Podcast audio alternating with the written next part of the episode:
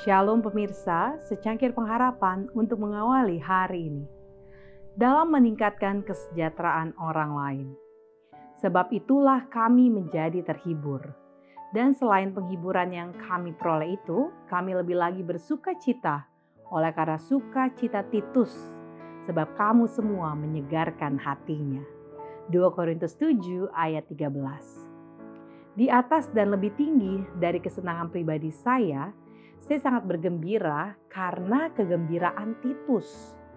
Kehangatan persahabatan sejati, cinta yang mengikat hati dengan hati, merupakan suatu cicipan awal kegembiraan di surga.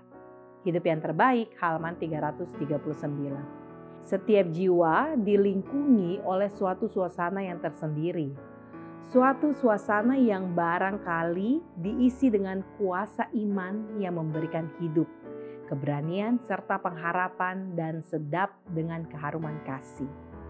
Atau itu mungkin berat serta dingin dengan kesuraman, tidak puas dan mementingkan diri, atau beracun dengan noda yang mematikan dari dosa yang didambakan. Oleh suasana yang mengelilingi kita, setiap orang yang kita temui secara sadar atau tidak sadar ikut terpengaruh. Kehidupan Kristus adalah pengaruh yang terus meluas tak terbatas, yang mengikat kita kepada Allah dan kepada seluruh keluarga umat manusia. Melalui Kristus, Allah telah menanamkan pada manusia suatu pengaruh yang menjadikan mustahil buat dia untuk hidup bagi dirinya sendiri. Secara individu, kita berhubungan dengan sesama manusia sebagai bagian dari keluarga Allah yang besar dan kita berdiri di bawah kewajiban yang timbal balik.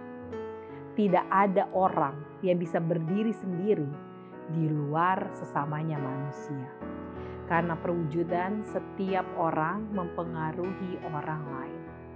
Adalah maksud Allah agar masing-masing merasakan dirinya perlu akan kesejahteraan orang lain dan berusaha untuk meningkatkan kebahagiaannya.